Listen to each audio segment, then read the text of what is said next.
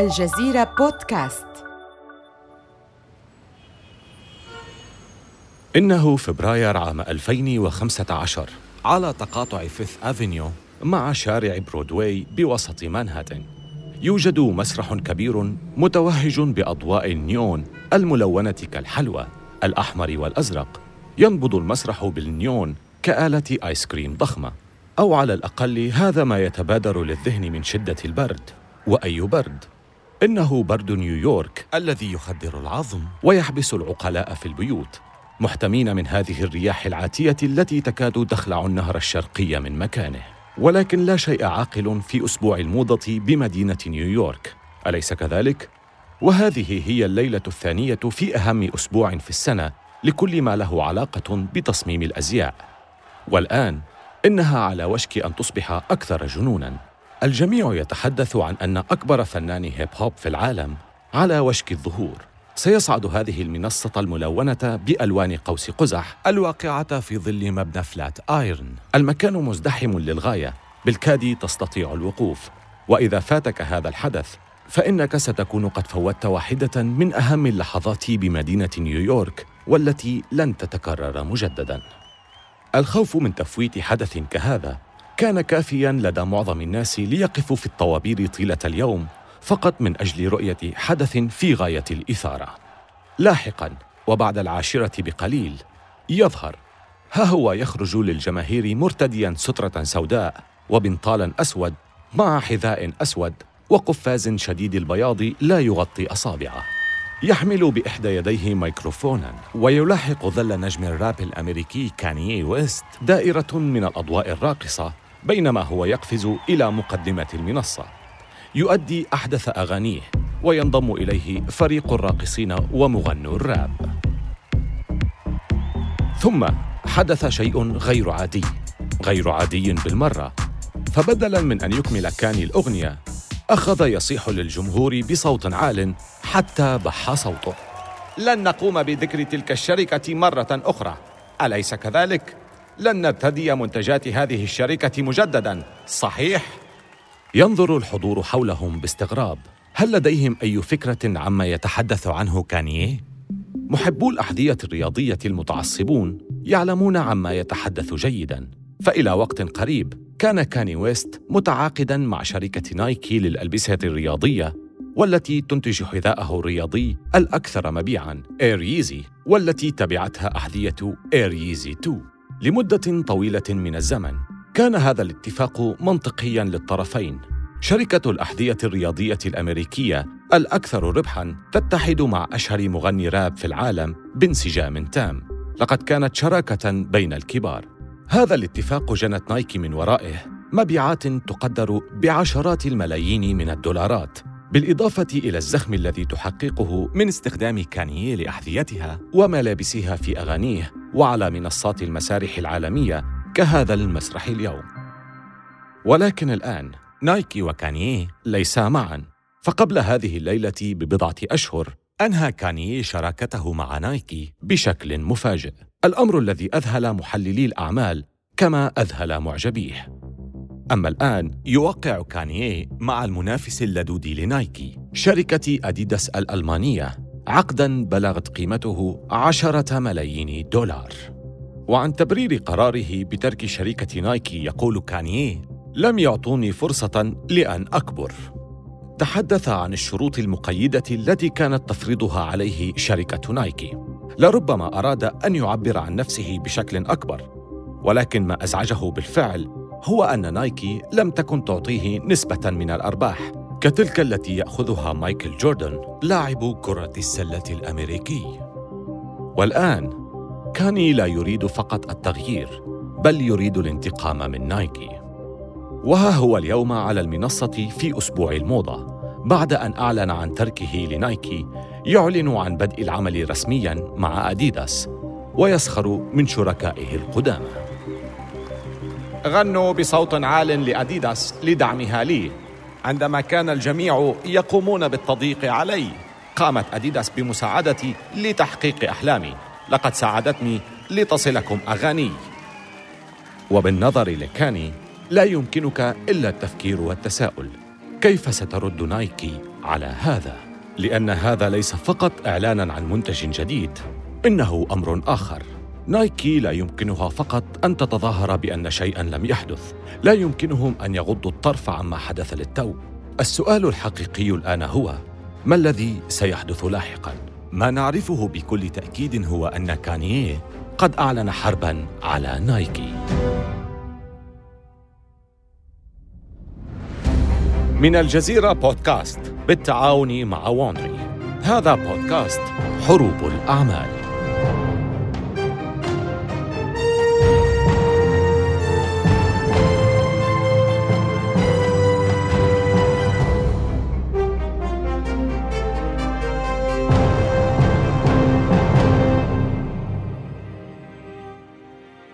لم يسلم عالم الأحذية الرياضية من المنافسة والحرب في سلسلتنا الجديدة بحلقاتها الست سنخوض غمار الحرب القائمة بين اثنتين من كبرى الشركات العالمية في سوق الأحذية الرياضية تسعى كل منهما لإقصاء الأخرى.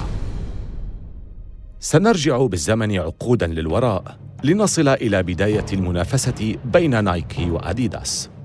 ومن ثم نتتبع المنافسة بينهما إلى يومنا الحالي. حيث ترتفع قيمة سوق الأحذية الرياضية يوما بعد يوم إلى أن تجاوزت 60 مليار دولار وهو ما يعد أكثر من إجمالي الناتج المحلي لدول كثيرة منافسة لن تقتصر على الأسواق وحدها بل ستنتقل إلى قاعات المحاكم وتواجه دعاوى قضائية بملايين الدولارات هذه هي الحلقة الأولى عشاق الأحذية الرياضية. دعنا نبدأ بسؤال بسيط. لماذا كل هذه الضجة حول الأحذية الرياضية؟ لماذا تضع شركتان كبيرتان مثل نايكي وأديداس كل هذا الجهد والمال لتصنع من المطاط والنايلون والخيوط حذاء لك؟ لماذا يضيع كانييه كل هذا الوقت على المسرح فقط للرد على نايكي؟ الإجابة معقدة. لكنها قد تعود للدور الذي تمثله هذه الأحذية الرياضية لكثير من الأنشطة والثقافات بدءا من الموسيقى إلى الرياضات المختلفة وحتى الموضات العالمية. الأحذية الرياضية هي من أكثر الأشياء المحببة لقلوب لاعبي كرة السلة الرياضيين المحترفين منهم والهواة وبالتأكيد محبي الموضة وصانعيها. بالطبع لم يكن هذا هو الحال دائما. فحتى وقت قريب نسبيا إذا عدنا إلى سبعينيات القرن الماضي. سنجد أن الأحذية الرياضية كانت من أجل المنفعة فقط مثلها مثل أحذية عمال البناء. لها هدف مخصص حماية القدمين. ماذا عن أول حذاء رياضي؟ سميت الأحذية ذات النعل المطاطي بليم سولز وهي التي كان يستخدمها البريطانيون في القرن التاسع عشر خلال عطلاتهم كأحذية للبحر. واستخدمها البحارة أيضا لقدرتها على الالتصاق بسطح السفن. وفي أوائل القرن العشرين قامت شركة المطاط الأمريكية بالاستفادة من هذه الفكرة في ماركة حذاء كادز. وهي أحذية من القماش القوي ونعل من المطاط أصبحت مشهورة بين العدائين ولاعبي التنس. ولعقود طويلة وحتى قرابة النصف الأول من القرن العشرين استخدمت الأحذية الرياضية بشكل كبير لدى الرياضيين المحترفين أو من يريدون أن يصبحوا رياضيين. فترى الناس يرتدون هذه الأحذية إما للعدو أو للذهاب لملاعب التنس. فحتى حذاء Converse All Stars الأكثر شهرة آنذاك لم يكن اختياراً ملائماً للموضة. كان مجرد حذاء يرتديه البعض للذهاب لملاعب كرة السلة. أما اليوم فإننا نرتدي الأحذية الرياضية في كل مكان. نرتديها للذهاب إلى متاجر البقالة وإلى العمل بل وحتى في حفلات الزفاف. قديم الطراز وحدهم هم الذين يتعجبون حين يرون أحداً قد ارتدى حذاء رياضيا مع بدلة أو بنطال. الأحذية الرياضية بالنسبة لملايين الناس حول العالم قد أصبحت أحد العناصر الهامة في الأزياء الشخصية. أسعارها مقبولة مقارنة ببدلة أو فستان وقد تضفي ذات الأناقة إذا تم ارتداؤها بالشكل الصحيح. وهذا هو ما يجعل هذه الأحذية الرياضية مهمة جدا لملايين الزبائن وبالتأكيد أكثر أهمية لمنتجيها. طبقاً لبعض الإحصائيات فسوق الأحذية الرياضية العالمي ازداد في العقد الأخير بما يعادل 40% حتى بلغ عام 2017 62 مليار دولار. وإذا صحت توقعات اليوم فبحلول عام 2024 فإن قيمة سوق الأحذية الرياضية ستبلغ حوالي 97 مليار دولار وهو ما يعد أكثر من ضعف الناتج المحلي الإجمالي لدولة مثل أوكرانيا. هذه الأرقام لا تأخذ في الاعتبار ما يسمى بالسوق الثانوي سوق الأحذية النادرة والتي يقال إنها تبلغ مليار دولار. سوق كبير للغاية في الحقيقة إنه كبير لدرجة أن له سوق سندات خاصا به فعلى موقع بيع الأحذية الرياضية StockX لبيع وشراء الأحذية الفريدة تجد قيمة الأحذية الرياضية في هبوط وصعود مستمر بشكل يشبه صعود وهبوط أسهم الشركات بمؤشر داو جونز الصناعي. الشاهد أن تجارة بيع الأحذية الرياضية هي من أكبر التجارات في العالم، وخاصة في الولايات المتحدة الأمريكية، موطن أكبر تجمع للأحذية الرياضية بالعالم. الآن دعونا نأخذ لحظة للتعرف على الشركتين المتنافستين على سوق الأحذية الرياضية الأمريكي في أحد الطرفين تقف شركة نايكي التي تأسست في الساحل الغربي للولايات المتحدة عام 1970 على يد الرياضي فيل نايت بمساعدة مدربه بجامعة أوريغون بيل باورمان. تعد نايكي شركة كبيرة. ليس فقط لأنها تمتلك قرابة 60 ألف موظف و650 مصمماً بل لأن لديها غطاء ماليا يقترب من 100 مليار دولار. مما يجعل هذه الشركة ليست فقط أكثر شركات الأحذية الرياضية نجاحاً بل أيضاً أكثر شركات الملابس نجاحاً في العالم. وبقيادة فيل نايت الذي بنى الشركة بنفس الطموح والروح التنافسية التي اعتاد عليها في سباقاته أصبحت أسماء أحذية شركة نايك الرياضية كلمات شائعة في موضة الشارع. الطرازات مثل Air Force One Air Max Cortez و Air Jordan أصبحت من أشهر أسماء الأحذية في الشارع الأمريكي. أعادت نايكي كتابة القواعد في السوق مع تصدرها وهيمنتها. حملات دعائية مذهلة واستعانة سباقة بالرياضيين في الترويج لمنتجاتها. إبداع في التصميم وفي استخدام التكنولوجيا أيضا. وبينما تنفق نايكي الكثير من الأموال للحفاظ على ريادتها إلا أنها تربح أكثر. وفي الطرف الآخر من الحلبة تقف أديداس المنافسة الألمانية المتألقة أمام نايكي. يعمل في أديداس حوالي 200 مصمم فقط مقابل أكثر من 600 لدى نايكي. نشأت الشركة في أوروبا بعد فترة وجيزة من انتهاء الحرب العالمية الأولى. مؤسسا الشركة هما الأخوان رودي وآدي داسلر، اللذان بدأا تجارتهما في ولاية بافاريا الألمانية معتمدين على العمل اليدوي.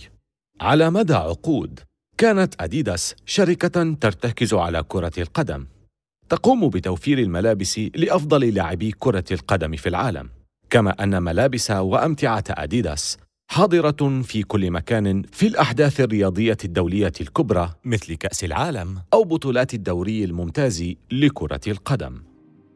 تصنع أديداس الكرات المستخدمة في بطولات الفيفا، وأحذية كرة القدم التي يستخدمها نجوم كبار مثل ديفيد بيكهام، والزي الرسمية لفريق كرة القدم الوطني الألماني بأكمله، الذي فاز بكأس العالم في صيف عام 2014.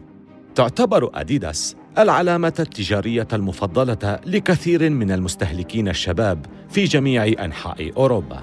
إنهم يرتدون خطوط شركة أديداس الثلاثة بكل فخر. تماما كما يرتدي الأمريكيون علامة نايكي الشهيرة. وعلى الرغم من ذلك فإن أديداس ترغب بشدة في أن تكون أكثر من بطل أوروبي. إنهم يحلمون بأن يصبحوا قوة عالمية عظمى في الأحذية الرياضية. ولكن إذا أردت أن تكون بالفعل قوة عالمية عظمى في الأحذية الرياضية فإن عليك الاستحواذ على أكبر سوق في العالم والمتحكم الحقيقي في كل ما هو رائج ومرغوب. بمعنى آخر عليك أن تصبح الأول في الولايات المتحدة الأمريكية عقر دار نايكي.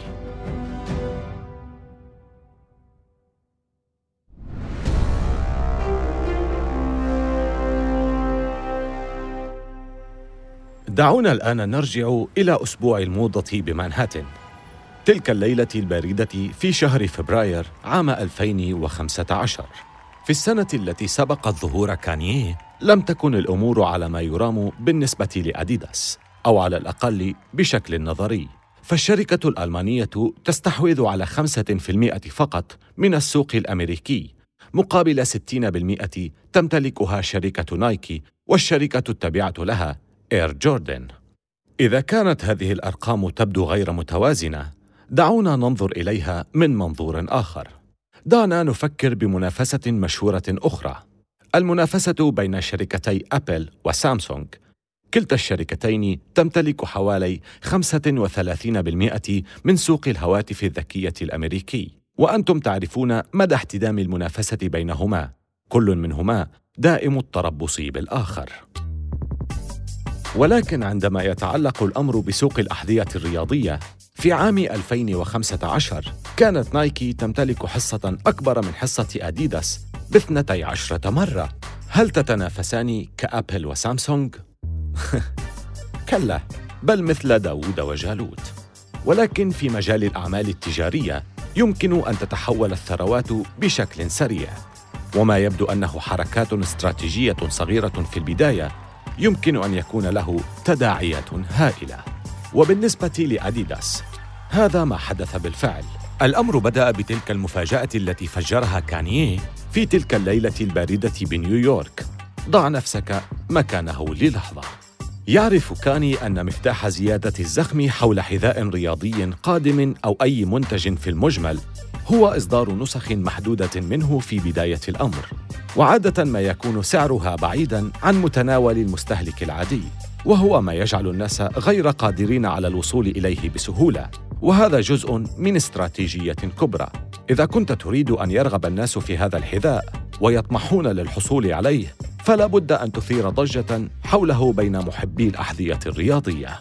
أنت تريد كل مدون أحذية رياضية من توليدو الإسبانية إلى طوكيو اليابانية أن يكتب في صفحته الأولى عن حذائك صعب المنال. تريد أن يسيل لعاب معجبيك أيضاً وهو ما حدث بالفعل مع جمهور كانييه في الأيام التي تلت حفل أسبوع الموضة. لقد أعلن عن تسعة آلاف حذاء من طراز Yeezy Boost يباع الواحد بسعر 350 دولار. الحذاء بلون بني فاتح ونعل رمادي وبه شريط تثبيت متلائم مع رباط الحذاء بشكل جذاب. يبدو مثل أحذية رواد الفضاء مثل حذاء قد يرتديه النجم هان سولو في Star Wars وهو يزور مدينة صحراوية في عالم آخر. إنها ليست جميلة بالضرورة لكنها مميزة. ملفتة للنظر ولا تبدو كأي أحذية رياضية أخرى وهذا هو المطلوب.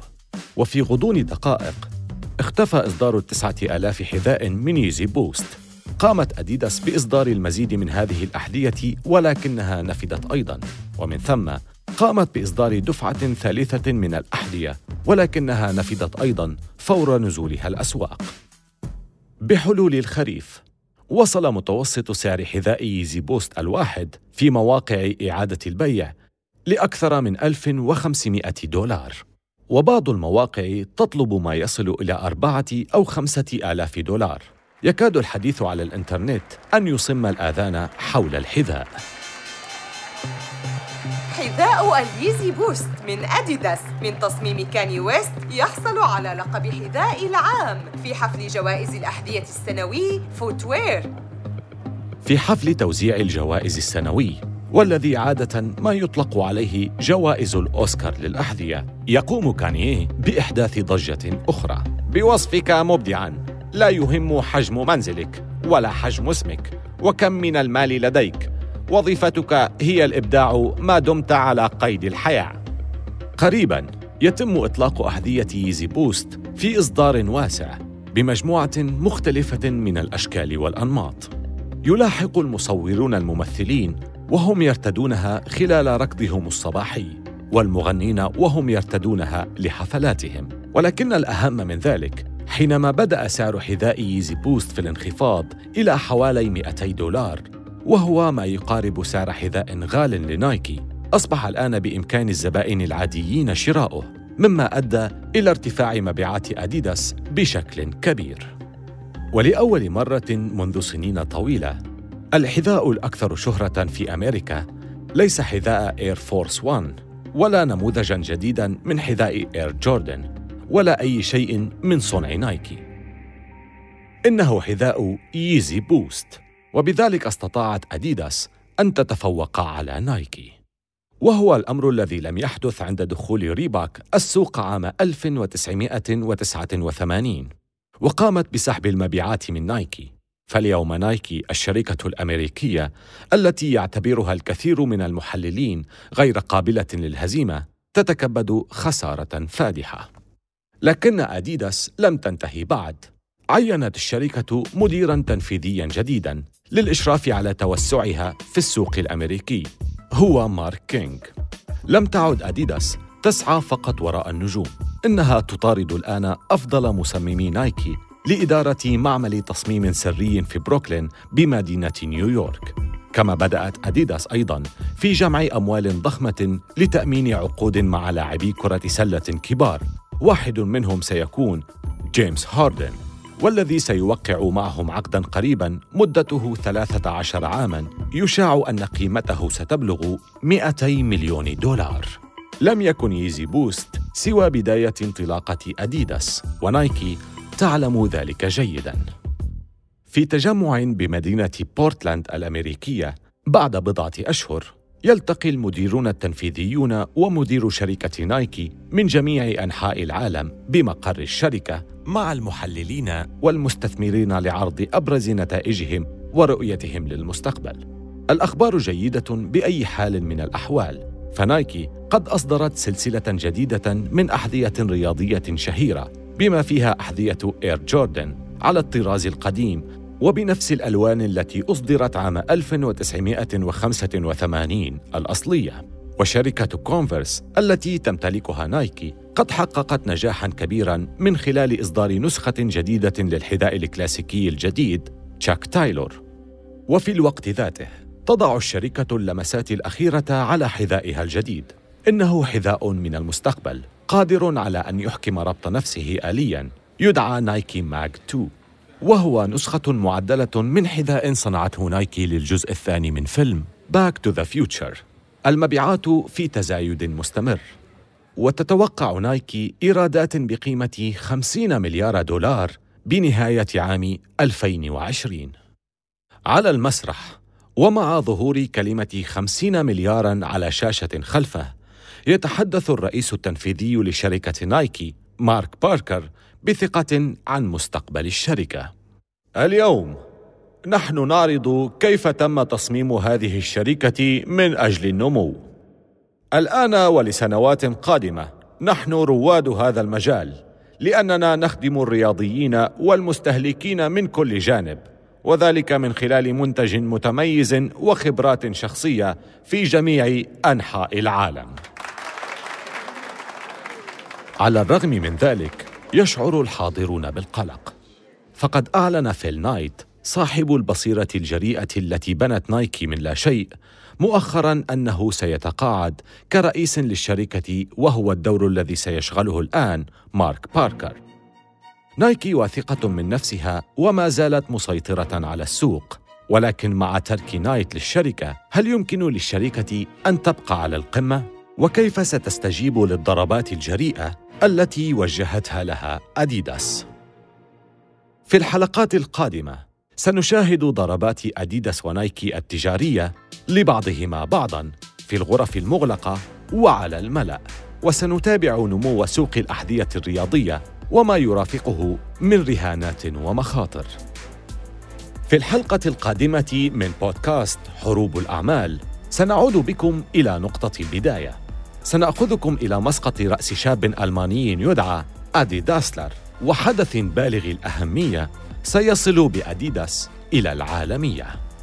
يفوز أوينز بالميدالية الذهبية ليست واحدة فقط بل اثنتين. ثلاث أربع ميداليات. إنه أول عداء يحرز أربع ميداليات ذهبية في منافسة واحدة. رجل أسود يفوز بالبطولة في ألمانيا هتلر. مرتديا زوجا من الأحذية الألمانية الصنع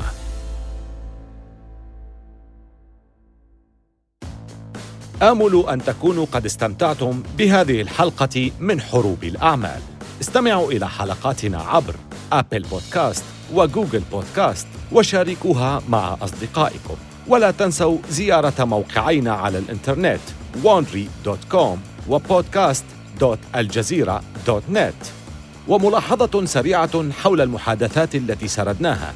لا يمكننا أن نعرف بالضبط ما قيل ولكن هذا الحوار مبني على أفضل الأبحاث التي قمنا بها. هذه السلسلة من حروب الأعمال قدمها في نسخة اللغة الإنجليزية ديفيد براون وكتب القصة ماثيو شاير. محررة النسخة الإنجليزية وكبيرة المنتجين هي كارين لوي وجيني لوير منتجة وقامت شركة باي إيريا ساوند بالهندسة الصوتية. والمنتج المنفذ هو مارشيل لوي.